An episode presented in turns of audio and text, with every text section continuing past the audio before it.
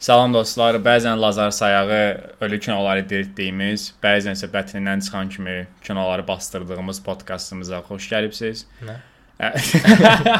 Neyin adıymış?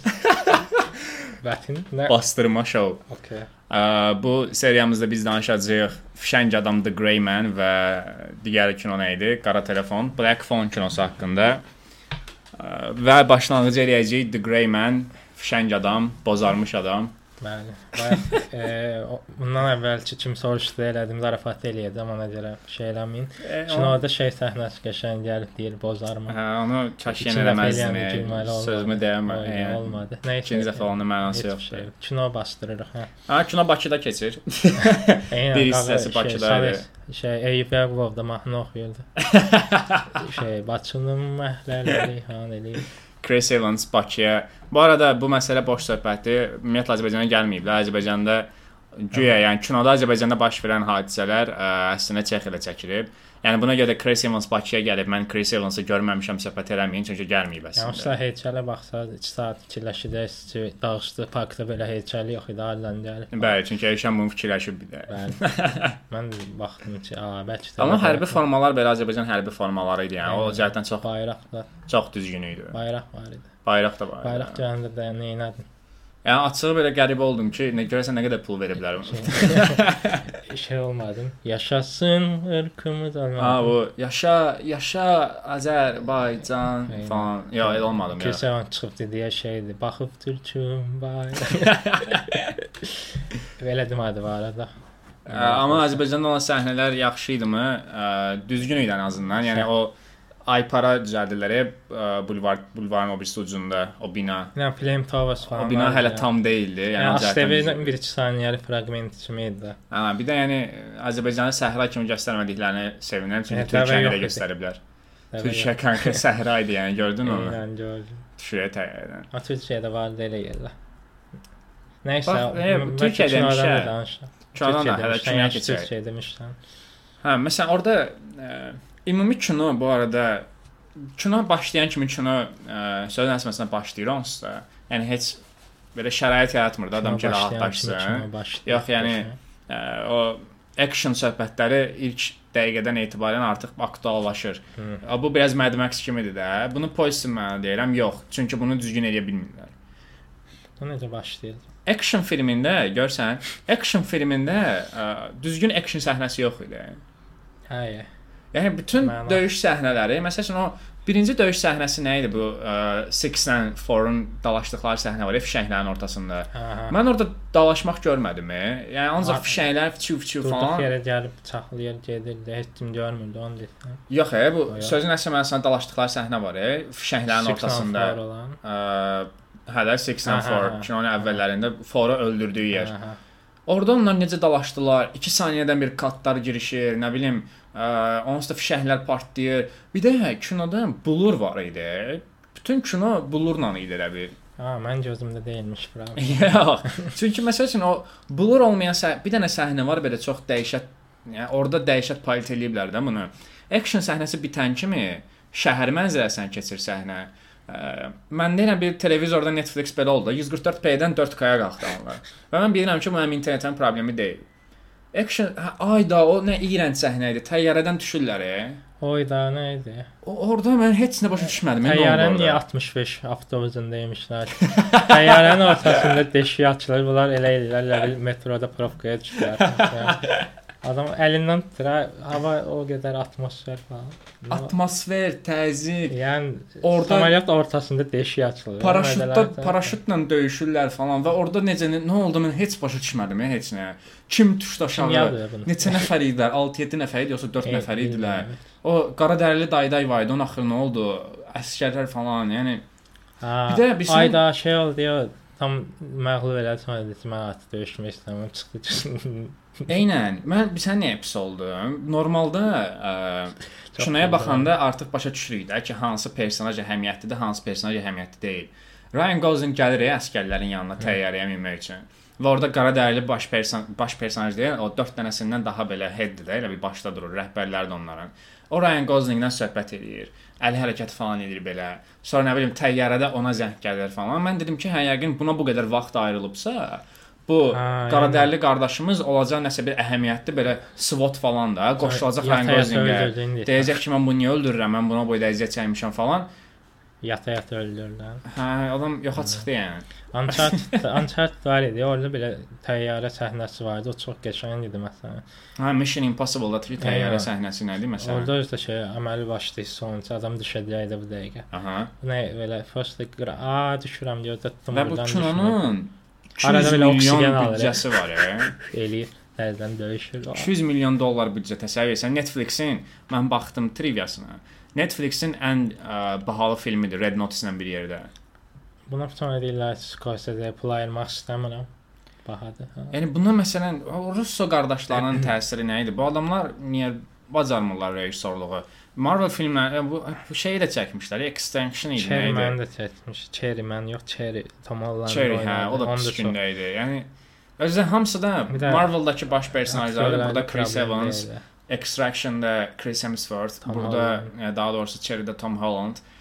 Və bu adamlar və bu kinoda 3 aktyor var, hansı ki, üçü də əjdahadır da. Yəni indiki dövrdə Chris Evans, Ryan Gosling, Ana de Armas.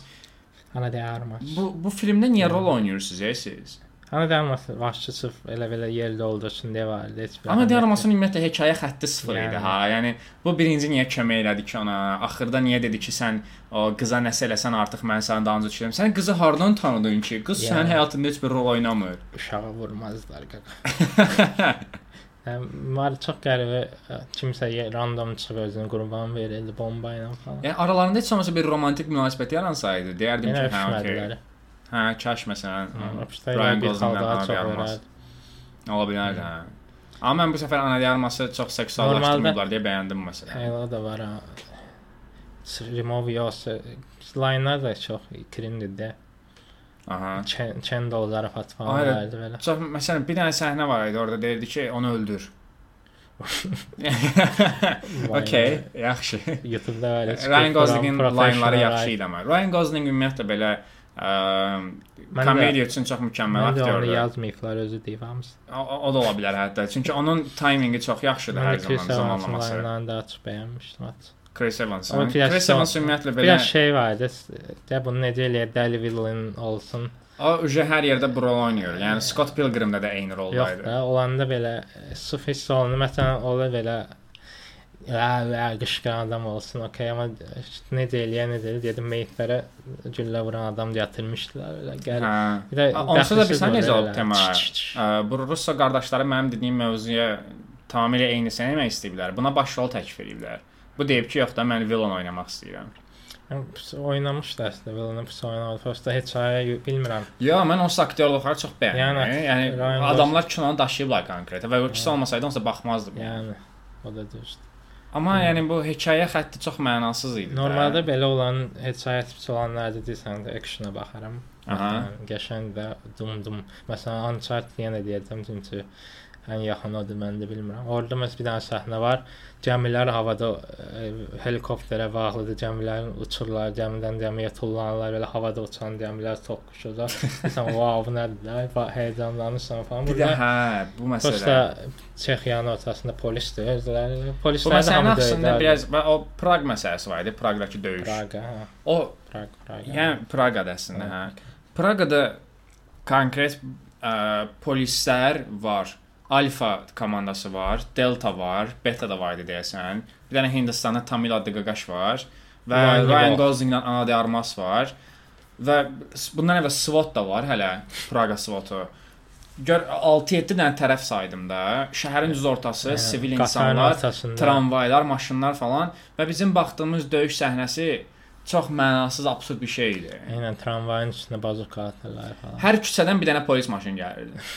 Qayıdıb hərəsinə bir-bir vurdu. a, Alfadan zaddan bir dənə qaqaş. Hə. Bir küçədən bir dənə polis maşını gəlir. Digər küçədən bir dənə polis Hə, maşını gəlir. Polisdən biraz normal insan seçənmirlər, belə o qədər lazımsız. Hə, konkret Aliyalın bir quruq polis də elə biri ayağına vursun da da. nə. Bir də orada həmin döyüş səhnəsində səhnə var idi. Yuxarı silahla vurur ki, cəmaət dağılışsın. 2-3 dənə gülləyə bütün insanlar yoxa çıxdı. Fikir verdin orada heç kim yox idi. hamı Tramvayda adam yox idi, yəni. alışıblar da deyə. Mən olsam orada qıraqda durub telefonla çəkərdim yəni. Getməzdi. bilmirəm. Nə oldu insanlar bu qədər adekvatdılar? Bir güllə səsini eşidən Bir kimi də şey var ki, sən istəyir əli qandallar da niyə vurammış bu qədər çətin deyil o. Bunu film tənqidi kimi qəbul edirlər. Get üstünə vur da, nə qədər nə bilim açığıdır. bomba atacaq. Bunun mükəmməl örnəyi hitdir Michael Mann.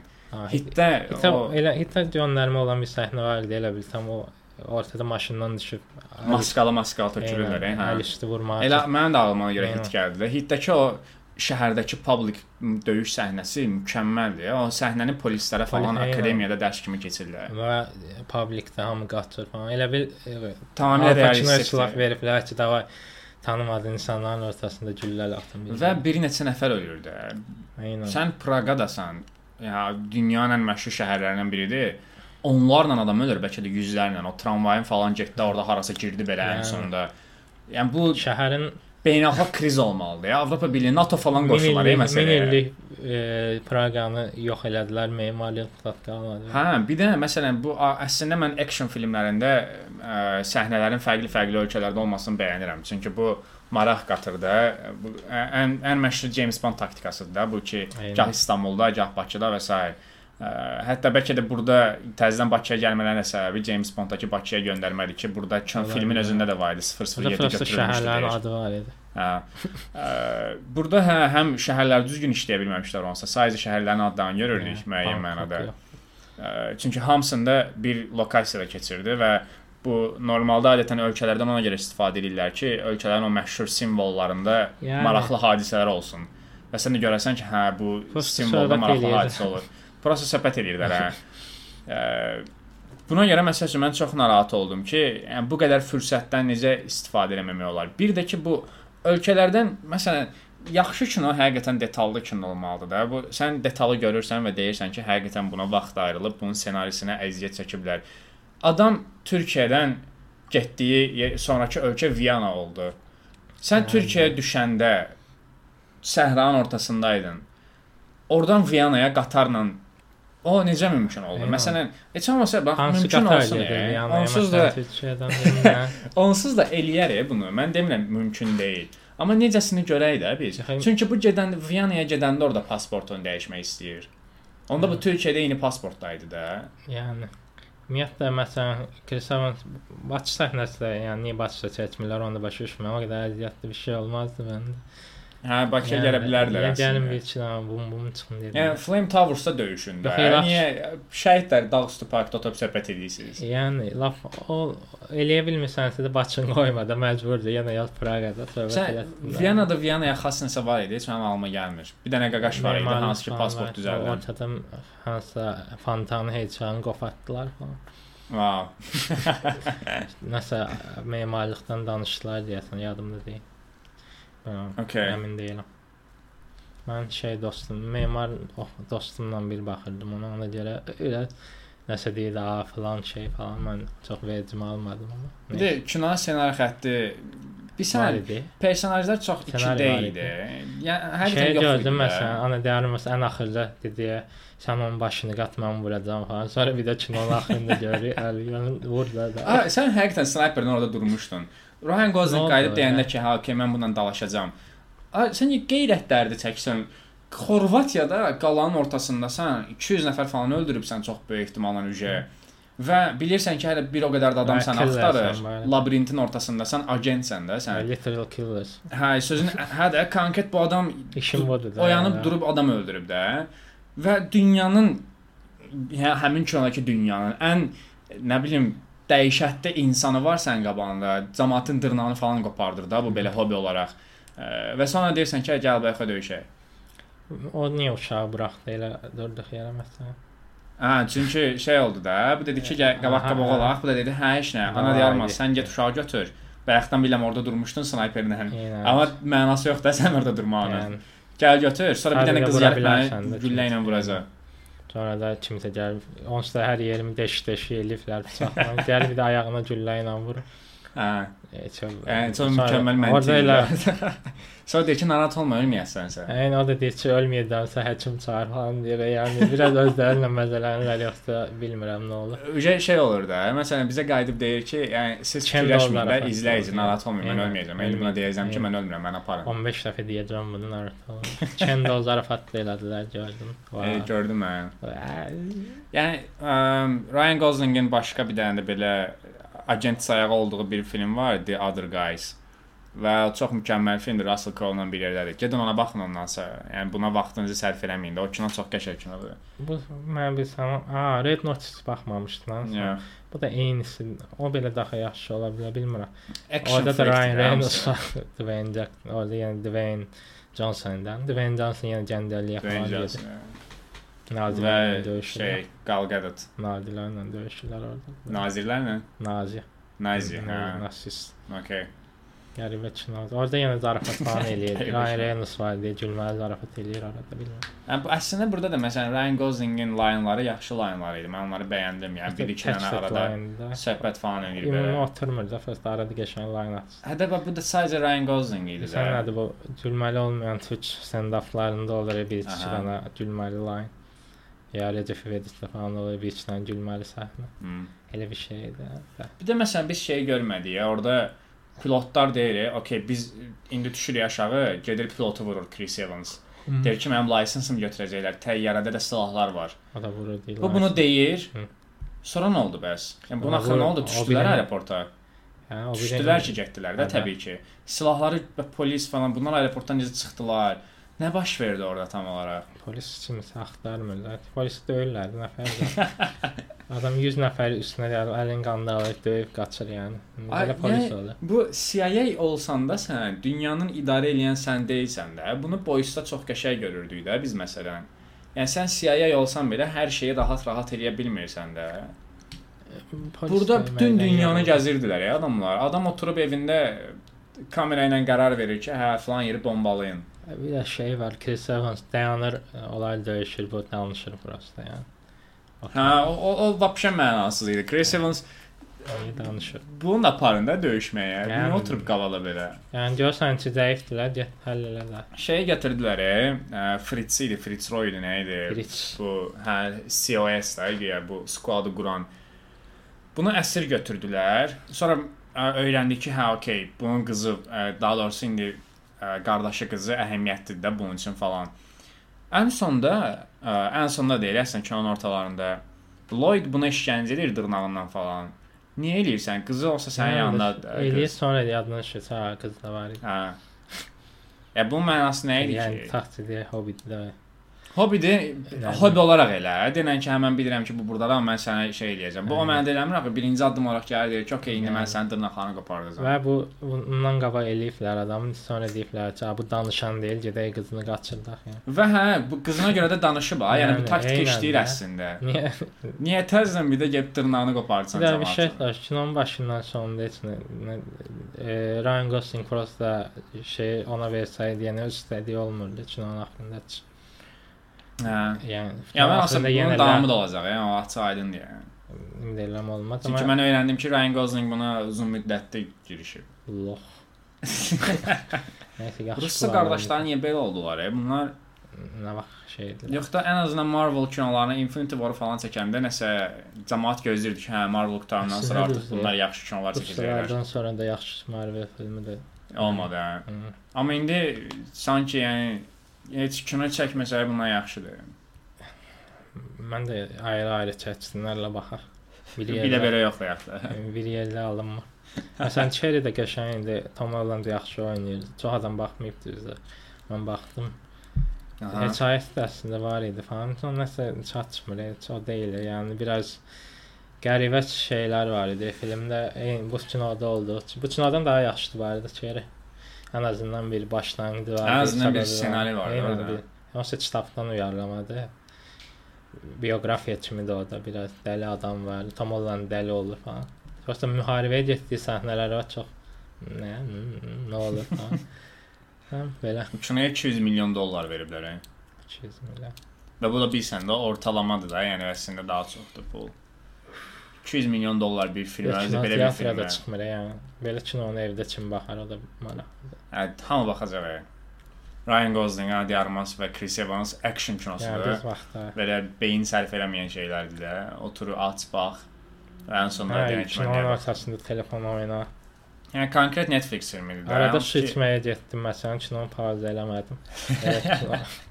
Dedim, getsin də niyə vaxt? Ha, mən şeyə çox əsəbləşirəm. Yəni action filmində yaxşı action olmayan da ki, bu yəni sənin məqsədin budur da. Yəni, Mən səndən dram one falan gözləmirəm də. Hansısa eynən sənin hansısa bir işin var. Bunu yaxşı elə. John. Wick məsələn. John Wick mükəmməldir action cəhətdən. Baxsan heç məna istəmirsən. Heç nə axtarmıram məntiq Yəni falan. Döyüşsün, qoy hamını öldürsün, amma əsas yaxşı öldürsün də. Yəni Burada döyüş səhnələri çox belə ə, xoreografiya Şaxmışa. olduğu o qədər açıq aydın idi ki, bu buna vurur, bu Yəni. vursun gözləyir ki, hə indi də bu mənə vursun. e, Sonra da şey- Hindistanda Məsələn, John qaqaş Wickdə o yoxdur. Elə bilirsən həqiqətən o nəsə əlinə çəkdi, bam vurdu deyə. Bu da çox qəribədir. lokasiyanın əhəmiyyəti var da John Wick-də. Burada lokasiyanın heç bir əhəmiyyəti yoxdur. Viyanaya Hə. boş yerə gedirlər. Viyanadakı olan səhnəni Kaliforniyada da eləsələr eyni şeydir. Yəni bizim Los məhəllədə Angelesdə eləsələr falan. daha yaxşıdır. Eynən Sovetskidə eləsəndə Yəni bir şey qıraqdan dəyişməyəcək. daşlataq vurardılar belə. Yeganə lokasiyadan istifadə etdikləri yer odur ki, qayçı ilə Ryan Gosling-ə vurur belə. Eynən. Həsta. Onda da Ryan Gosling qalxır ayağa, cəmaət tupoydu da. Ona izah eləməlidir ki, hə nə böyrəyimə girib, nə mədəmə girib, yəni heç birinə Aha, girməyib də. amatör. Aha, amatör. hə, Yəni öldürər. bütün izləyicilər tupoydu, hamı e, Sən sən amatör olsa idi öldürürlər, niyə öldürənmədi? Bu Şey də var idi. Ha, ana gəlməz ilk səhnədə Chris Evans'a iynə vurdu deyə. Niyə öldürmədilər? Hə, yəni niyə yenə vurdun? Öldürərdi də, may vurun bir dənə öldüm getdin də. Bütün o Buna heç qıtardı. fikirləşməmişdim bax. Mən görəndə dedim, a vurdular falan. Sonra qoyub öldü getdi. Və yəni şey də olmadı. Ə, Mən düşünürdüm ki, Ana de Armasla da yəqin yenə mübarizə aparacaqlar. Bu bunu aparacaq falan. Maşın içində prosta dedi ki, hə məni öldürəcəklər, bəlkə səni də öldürürlər. Hələ düz. Okay, Allah vəssalam. point. Vəssalam. Söhbət bağlandı yəni. Mən sənə dəstək olacağam və sənin üçün həyatımı sərf edəcəm, risk atacağam. Ha, bir dənə də onu deyim, o Lonely Wolf Hindistanlı qaqaşada nə isə artıq. Yəni tam döyüşürlər, döyüşürlər yarım saat dayanmadan tam qutarır döyüş. Bir də öldürə bilərdi ki, mən artıq pulu vecimə deyil. Hə, yəni bunu əvvəlcən eləyərdin də. Bir də o qaqaş var ha, Hindistan qaqaş. Hindistanın Oscarını alıbmış. Şey belə Hindistan aktyor kinolarını falan oynayır da. Mən onu görəndə ürəyimdə dedim ki, elə konkret onsa Hindistan kinosuna oxşayır da bu kino. Və bu Tamil personajın gəlməyindən demək olar tam oturdu da məsələyə. A şeydən ə, xəstəxanadan oppanı belədərək bir ara belə 3 dənə polis var idi orada. Hı. Təsəvvür Praqada yüzlərlə adam ölüb çox böyük ehtimalla. Yüzlərlə olmasa da. Lap 10 nəfər ölsə belə Praqanı fövqəladə vəziyyət elan edirlər də. Yəni 3 polis var idi bundan xəstəxanadan çıxanda. üçün verilən də deyildi belə. Hə, Ah, hmm, polislər öldü, ölməli idilər. Şeyə daxildə dedi ki, hə siz çox pis şey elədiniz. Uzun müddət görməyim sizi. Okay, yəni. Oh yeah, bro. Və burada Avropa Birliyinin falan heç bir sözü yoxdur da. Okay, bro. Remove yourself from my personal space. Başa düşdün? 60 dəqiqə əvvəlki layını təzədən dedim. Hə, necə yazmışam? Hə, bəyəndim. Hayda. Şuna belə dedi oradan. 20 dəqiqə əvvəlki layını yenə dedim uşaqlar necəyəm? Çox çox uşaq söhbətlərdir onlar. Yəni sən Əslində bunu, bunu deyən ana diarması idi də. Bu ana diarması bunu deyibsə birinci dəfə, deməli bu adama şəxsi yaxın olmaq istəmir. Niyə axırda gəlir ağzına girərək nəsə deyir, sonra bundan da söz eşidir ki, sən niyə yazdığın personajı bir də özün səhv çıxardırsan? Yəni mən of, çox pis idi. Şeydən danışaq. Dan mən də danışmıram. 23 dəqiqə danışdı bundan. Kinonu yaşayacaq. Nə idi? O biri nə idi? Black Phone. O biri Black Phone, hə. Black Phone. Scott. Black Phone Ailəsini. məni çox heyrətləndirdi açıq. Eynən, çox. Bəyəndimmi? Yəni son vaxtda izlədiyim ən bəyəndim. yaxşı korku filmlərindən biri idi. Eynən və şeydir, kino ilə bağlı heç bunu deyim. E, realist olmaq dərdi olmayan qorxu filmləri olur. Hə, kino konkret Stephen King kinosuymuş kimi idi. Hansısa e, ssenarist senarist də Stephen Kingin oğludur da. Ə, və bu cəhətdən ki, uşaqlar, nə bilim, ən sonda qızı sarı kutkada falan görürük. Eynən uşaqlar. belə çox göndərmə var idi də. Eynən. Və ən sonda da kutuda. onsuz da Ethan Hawke canlandırdığı person Ethan Hawke'un personajı var idi, Grabber, Grabber. tutan da, oğurlayan. bunu öldürdüyü səhnədə bütün uşaqların telefonla səsini qulaq asdırır Eynən. falan. Yəni bu konkret Stephen. King şeylərdir də Uşaqların ki, intiqamı. eynən uşaqlar zordular və siz pissiz. Yəni bunu belə çox sadə dedim, amma kino çox qəşəng, qəşəng eynən. Amma ə, şən qızın aktyorluğu mükəmməl idi. Hansı qız? O balaca qızın. Jenny idi, nə idi o? Hə, Qəşəng. çox qəşəng. Adam yəni Mimikaları zadı. nəsə deyim, çox mükəmməl oynadı. Onu mən dəyişik şokdaydım mən ona baxdıqca. Və sonra onsuz da əşələdim o qızın biraz Wikipediyasını falan. Scott Scott Dickinson idi adı rejissorun. Scott, ha. Hə, Scott ə, bu qızı istəyir. Qız deyir ki, bəs mən başqa kinoda olmalıyam da. Scott da qayıda deyir ki, okey, biz səni gözləyərik. Gözləyirlər konkret onu. oynayıbsa məşhur imiş. Mən baxdım American Sniper-da falan görürəm, professorlarda yəqin çox balacalardı. Çünki Çünki qız. American Sniper, sorry. Sniper. American Psycho-da ya, yoxdur da 2000 belə. Qarında falan belə. Ə, 2009-cu ildə doğulub. American American Sniper-da yəqin lap balaca falan idi, amma Yəqin tam Stranger Things personajları kimi idilər. ay çox mükəmməl. Stranger Things-dan da analogiyanı çox görürdüm belə 80-ci Eynən. illər qorxu filmi falan. O, bir də jump scare-lər də belə çox düşük jump scare-lər Deyil, deyildi. zor. Yəni, əyləndim elə, qorxanda əylənirsən. Çox keyfiyyətli vaxt keçirdim mən kinoya baxanda. Kinoda şey var məsələn e, nə deyəcəyim? Ethan Hawke. Şey, hə, bu yadıma düşdü Ethan Hawke. Kinonun başında Ethan Hawke şey olaraq görürük. Yəni uşaqların necə qaçdığını falan görmürük. Prosta görürük maşın gəldi və uşaq yoxa çıxdı falan. Aha. Qısa-qısa çəkir. İki uşaq gedir, sonra bizim uşaq götürürlər. Sonra hadisələr gedir. Məsələn, Ethan Hawke biraz o e, personajın demək olar arxa planda qalır da. Orası məndə normal olaraq digər serial killer təmalı filmlərdə daha fərqlənirdi. Cümlə quramadım. yəni Şey- mən belə başa düşdüm ki, demək istəyirsən ki, serial killer'a burada empatiya yaradılacaq bir şey yox idi da. Amma eynən həm də şey idi də, yəni uşaq tanımırdı axı onu. Nə, nə tanımır, etmək yəni. istədiyini başa düşmür. Biz də başa düşmürük. Biz də bilmirdik. onu konkret ha bizim perspektivimiz də Aynen, perspektivi idi, hə. Cidden ha, biz məsəl üçün normalda qorxu filmlərində bu çox qəşəng pointdir, yəni dediyin. Normalda qorxu filmlərinə baxanda əvvəlcən silsilə qatilin əllikləri şeyləri görürük və özümüz deyirik ki, getmə də ora sənə aparacaq falan. Burada bilmirdik yəni. Mən hətta gözləyirdim ki, bəlkə burada aparmadı. Eynən. Də tanış çox olmağa qəribə bir psixologiyası var, bilmirsən nə olur. Oyun oynamaq istəyir. Və onsuz da maska dizaynında da görürük bunu. Aynen. Maskanın dizaynı hazır, yəni mən baxdım. Tony Salvani adlı adam imiş və o ə, çox məşhurdur da. Texas Chainsaw Massacre sonra Əfsanəvi. 13-cü cümə falan. Əfsanəsi. Hə. Çox şeylərin belə məşhur ikonik filmlərdə maskalara, make-up artistlik falan eləyib. Adam işini bacarır və maska onsuz da çox ikonik maska. Hawke-da tam o şey, maskanın Ethan Hawke-ın çənəsi ilə falan şey eləyiblər. Hə, Ethan Hawke da onsuz da tam Yəni random maska verməyiblər də. Yəni. Üstündə işləyiblər hə. Onsuz da hə də hiss edirdin onu. Məsələn, altdan taxanda da hiss olunurdu, yuxarıdan taxanda da hiss olunurdu. Yəni uşaqların ilk başdakı o yalnızlıq, nə bilim, bullying temaları falan. Və ona da başdakı belə- sondakı uşaq bu analogiyalar falan qəşəng. Hə. Hə, o şey biraz o coming of age söhbəti mənə də xoşuma gəldi. Eynən. Yəni uşaq böyük bir şey yaşadı və artıq böyüdü. Eynən. Yəni bu məsələ çox babat idi. Bir də ümumiyyətlə bu kino yadındadır da normalda yanvarda çıxmalı idi. Sadəcə bu audience reaction şeylər olur. Kino teatra qoyurlar, baxırlar Aha. ki, auditoriya nə reaksiya Eynən. verir. Ə, auditoriya həmişə çox bomba reaksiya verib. Və axırda da prodüserlər fikirləşiblər ki, reaksiya bu qədər mükəmməldirsə, bunu niyə yanvarda yayımlayırıq? Yayda yayımlayaq, daha çox insan Yəni. izləsin də. Və buna görə əslində yayda Əslində yay filmi kimi də olur var. Hə, və hə o da var. Tətildə. Və buna görə də yəni kino hə- həqiqətən hər tərəfli üzərində işlədikləri çox hiss olunur da. Bütün detallara və sair Eynən. baxıblar. Ə, Və sən de. buyur, buyur. Kinodan maraqlı şey odur ki, kino realistmi yəni çox vecin almırdı ya. Yəni kinoda nə olduğunu başa bilmir. Təxmin eləyə bilmirsən də, çünki hər an hər yerdən nəsə çıxa bilərmiş Hə. olur. da. Və bilsən normalda da məsələn mən sorğulamadım ki, o qara telefondan zəng necə gəlir gedir. Eynən. Bu məsələn burada bir dənə detal var idi, onu da çox bəyəndim. Normalda ə, fikir verirsən uşağa məncə digər uşaqlar elədikləri taktikaları deyirlər telefonda. Eynən. Ki, bəs Mən bunu eləmişdim, sən bunu elə.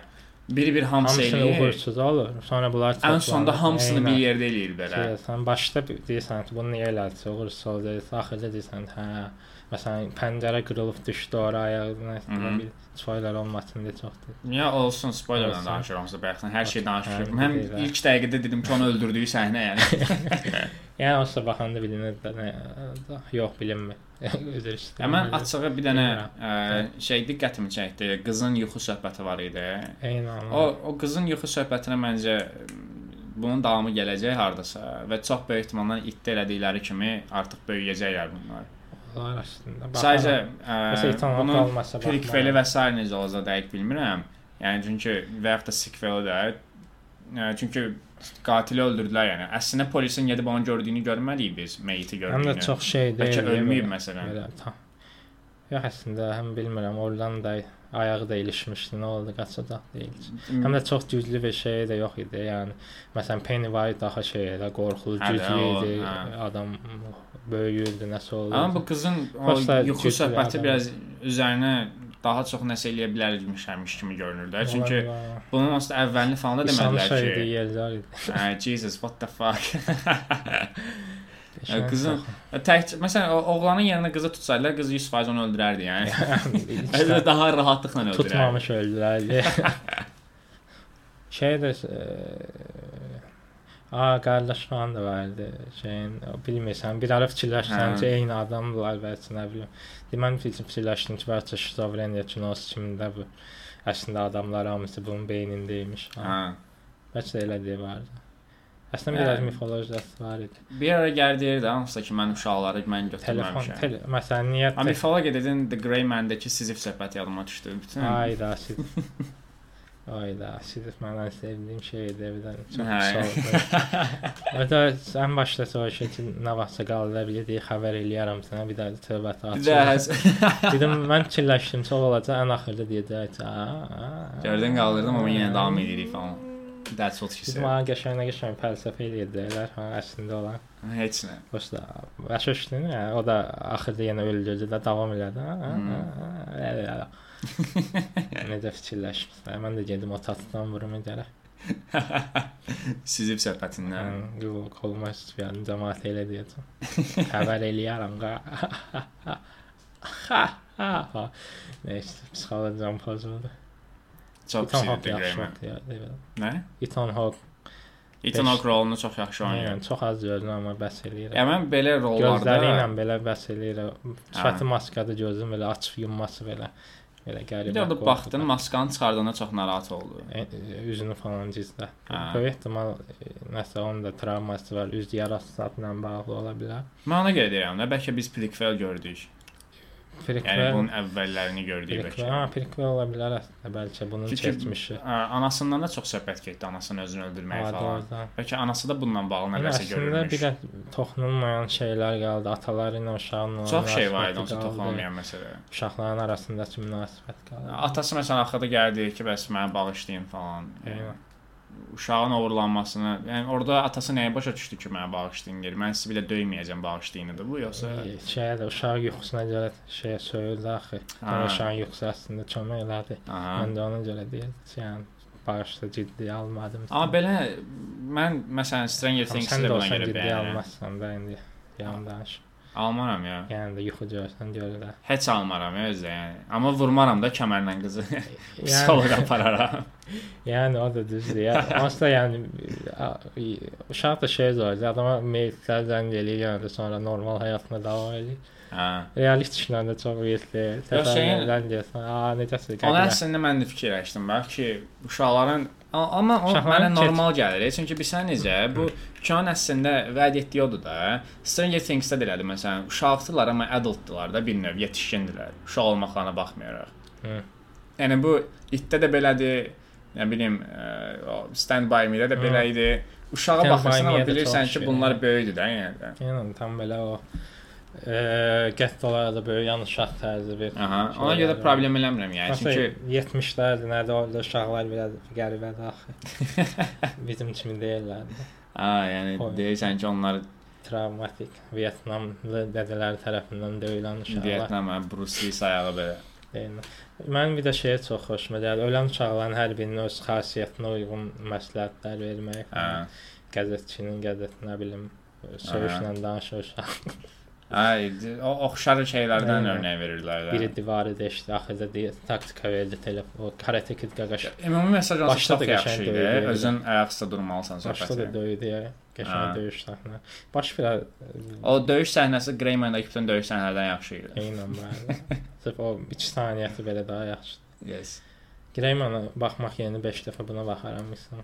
5 dəfə baxmaram amma Mən 5 dəfə baxa bilərəm. Greyman ayda. əslində 5 dəfə qorxmaram yəni. Eynən. Greyman bir də uzun idi, dəxsiz Bir 2 saat. salonda bomboş idi. Elə də Görsən hamı Hə, onsuz da çox adam yeyib baxmır deyəsən, heç kimin neçə xəbəri da yoxdur. ingiliscə və tərkibində ana diarması yoxdur deyə. Yedim Ə, baxın mən də. Gedin baxın, salonlar boşdur, daha rahat belə qorxa bilərsiniz də, yəni elə kompleksiniz olmasın. Başda biz kinonun hər yerini danışandan sonra kinoya baxın dedik. Baxmayın, yaxşı. Vaxt eləmin. O qədər çox Gəl bunu əvvəlcədən aydınlaşdıraq ki, buna baxın yoxsa yox. Nəyi? Ə, kinolara da. Ki əvvəlcədən baxsınlar, sonra qulaq assınlar, yoxsa ən sonda qulaq asandan sonra deyəndə ki, gedin baxın biraz Qəşəngdir, mənası var da. Çox qəşəngdir, amma çox gecdir. Hə, bunu 35 əvvəlcədən. dəqiqə sonra yadına düşdü ki. Nəysə onsuz da çox şey kinolardır tam hamının kimisə gedib baxacam deyə biləcəyi kinolar deyil deyə bilmirəm. Aha. Mən Ethan Hawke-a görə getdim məsələn. Neçə? Mən bunu bir ildir Mən mən də əslində, yəni sırf Ethan Hawke-a görə yox, tamamilə Mən bir də. ildir ona görə gözləyirəm deyə bilmirəm. Bilirəm, bilirəm. Posterdəki maska söhbəti mənə çox belə maraqlı Amma Posteri də gəlmişdi. qəşəngdir. Yəni maska çox mükəmməl maskadır. İlk başda mən o qısa şərhnələr gələndə dedim ki, "A, çaş Ethan Hawke göstərməzdilər, sürpriz olardı." Amma sonra gördüm ki, yox, tez olurmuş. Mən rejissorluğu da bəyəndim bu arada. Scott Hansa mən Doctor yəni də çox yaxşı idi. Və bu ikinci Doctor Strange-dən də o hə, kreativ fərqliyə görə ayrılmışdı da. Yeah. Ə, yəni adamdan həqiqətən hiss olunur ki, nəsə eləməyi ə, bacarır və burada Russo qardaşların əksinə. Yəni adam indiyə qədər çox qorxu kinosu var, hamısı da mən baxmasam belə yaxşıları var. Hı. Heç birində adını çəkməydim. Niyə çəkmir? Gedim Exorcism falan baxım. O idi, hə? Ə, bir orijinalını yox da, təbii ki, bu ə, bir neçə bunun əvvəl çıxan Exorcism. Ondan sonra bir iki dənə belə-. Bir dənə məşhur kinosu var, sci-fi səyahəti ondan çıxdı. çox qəşəng məlumatlar verir. Amma onlar məsələn bunun qədər yaxşı deyillər. Burada bilsən harda bu rejissorluğu bəyənmək söhbətini elədim mən. Məsəl üçün orada xatirələrini görürük yuxularında. Yuxu səhnələri çox yaxşı idi. Hansı ki ə, bir yerdə Grabber gördük, ya maskasından yaxından ağacı, balonlarla əlində falan. Onlar həqiqətən creepy dark web videolarına oxşayırdı. Eyni. Yəni- Yəni effektlər falan eyni. Və mən məsələn elə bir şeyi yuxumda Xarab görə bilərəm də. Hə. Bəli. Mən onu yuxumda görə bilərəm elə bir şeyi. Eyni. Normalda məsələn biz kinolarda falan yuxuda görülənləri çox real Hə, görürük ki, elə eyni. bir normal həyatdan heç bir fərqi yoxdur. Həm Amma bunlar həqiqətən yuxuya oxşayır. tez baş verir belə qopur ora gedir, bura gedir, Hə. qurtarır. Və məsələn onun orada gücünü biz tam gördük də, polis maşınında gəlir yanında oturur, heç kim Eynən, heç nə hiss eynən. eləmədən və o ə, Billy polis Eynən. aparatı ilə O səhnə də onunla əlaqə saxlayır. Yəni mən məsələn orada bir anda şoka düşdüm ki, bəlkə bu orada ə, ə, tələyə falan düşdü, qız yuxusundan bir də ayıla bilmədi falan. Yəni mən buna yer istəyirəm. Yəni bu kino biraz da daha çox davamı falan Hə, gəlsin və bilər. o qıza daha çox Daha belə eləyə vaxt bilərlər. ayırsınlar. Uzun eləməkdən əvvəl mən istəyirəm ki, bu qızın uzun başrolda olduğu bir dənə kino görüm. Qız çox mükəmməl aktyor elə, eləyə idi. bilərlər. Çox ləzzətli. Serial belə eləmək olar hər uşağın. Hə. Nə bilim. Sadəcə qorxuram ki, nə hardasa zibilin çıxardalar. Həmişə qorxuram. Nə, Scott şey deyə uzaq təzəsini kəsərlər. Yeni Bir də yox, hə, bu uşaq aktyorlar bir yerdən sonra fərqli bir şey çevrilirlər. Məsələn, Stranger Things-dəki yeni uşaq. Hə, Finn də məsələn çox qəribə Finn axırıncı Stranger Things-də çox Tennis pis, oynayır. Hə, hiss oldu. axırıncı sezonda dəhşət pis idi. Bəs o uşaq baxan kimi bir neçə bu uşaq döyəcəklər. Tamam. Ha, o Finn demirəm mən. Söhbət şey personaj Finn yox. Bir dənə başqa Finn Wolford dənə aktyor var. deyirəm. Stranger Things-də balaca oğlan hamısına rəhbərlik eləyən. Məsələn, o birinci sezonda qəşəng bir rolu var idi, ikinci, üçüncü sezonda, ikinci sezonda deyirsən. Ə, bütün bütün dostlarına falan rəhbərlik eləyirdi, nə bilim, nəyisə can atırdı və fərqliliyini hiss edirdin. Üstəgəl uşaq da aktyorluq eləyirdi. Ən sonuncu sezonda nə bir rolu var idi nə də ki aktyorluq eləmirdi. Şeydə Modern Family yadındadır. Aha. İlk sezonlarda o uşaqların böyüyəndən sonra serialın da yavaş-yavaş Çox qəribə bir şey oldu. ha. E, Luke, Lu- Luke uşaqlığı məsələn mükəmməl idi, sonra böyüdü. Çox spreydə aşağı. Bədənli qaqaş olandan sonra biraz qəribə oldu. Aha, hippi sayığı bir şey oldu hətta. Hipster. Eynən. Boys band falan. Hə. Yenə də gülməli elədilər. Yaxşı qutardılar. Nəsə Modern Family-dən danışırıq. Modern Family yoxsa kanka da ailə kimi bitdi axırda da. Modern Family çox Axırda da qucaqlaşırlar. Hmm. Bəli, spoiler. Belə Black Phone-u bəyəndik. Black Phone dünyanın izləyin. mükəmməl filmi deyil təbii ki, amma kinoteatra gedib baxmağa dəyiləcək Yəni filmdir. qorxu filmi kateqoriyasında ən Yaxşı yaxşılardan sayılır. Son illərdə çıxan ən yaxşılardan biri. Xüsusilə Stephen. King romanları ya da o tərz filmlər. Və mən bilirəm ki, Stephen Kingin Azərbaycanda fanatları çoxdur. Gedin baxın ya. Ə, Senaristi Stephen Kingin oğludur və demək olar çox şeylərə Yəni eynir. Stephen King yazırmışdım bir şey. Desəydilər Stephen King yazdı yazdım. İnanardım. O da onsuz. Və rejissorluq da yaxşıdır. Ümumiyyətlə Yəni. kinonun belə e, ilk problem çox az şey yoxdur. çox az. Çox az. Xüsusi olaraq bu çox pis olub dediyiniz şey yox. yoxdur, yox. Yox. Okay, The Grey Man isə baxmayın. Baxmayın. Belə. Sağ olun. Rənci qaçır sonra falan yox. Olmadı. Bağlayıram zarafatı həzm eləməyin. Təşəkkürlər. Nağara səsi çıxardım. Yox. Yox. Yox, yox. Heç bir yox, yox, yox. yox.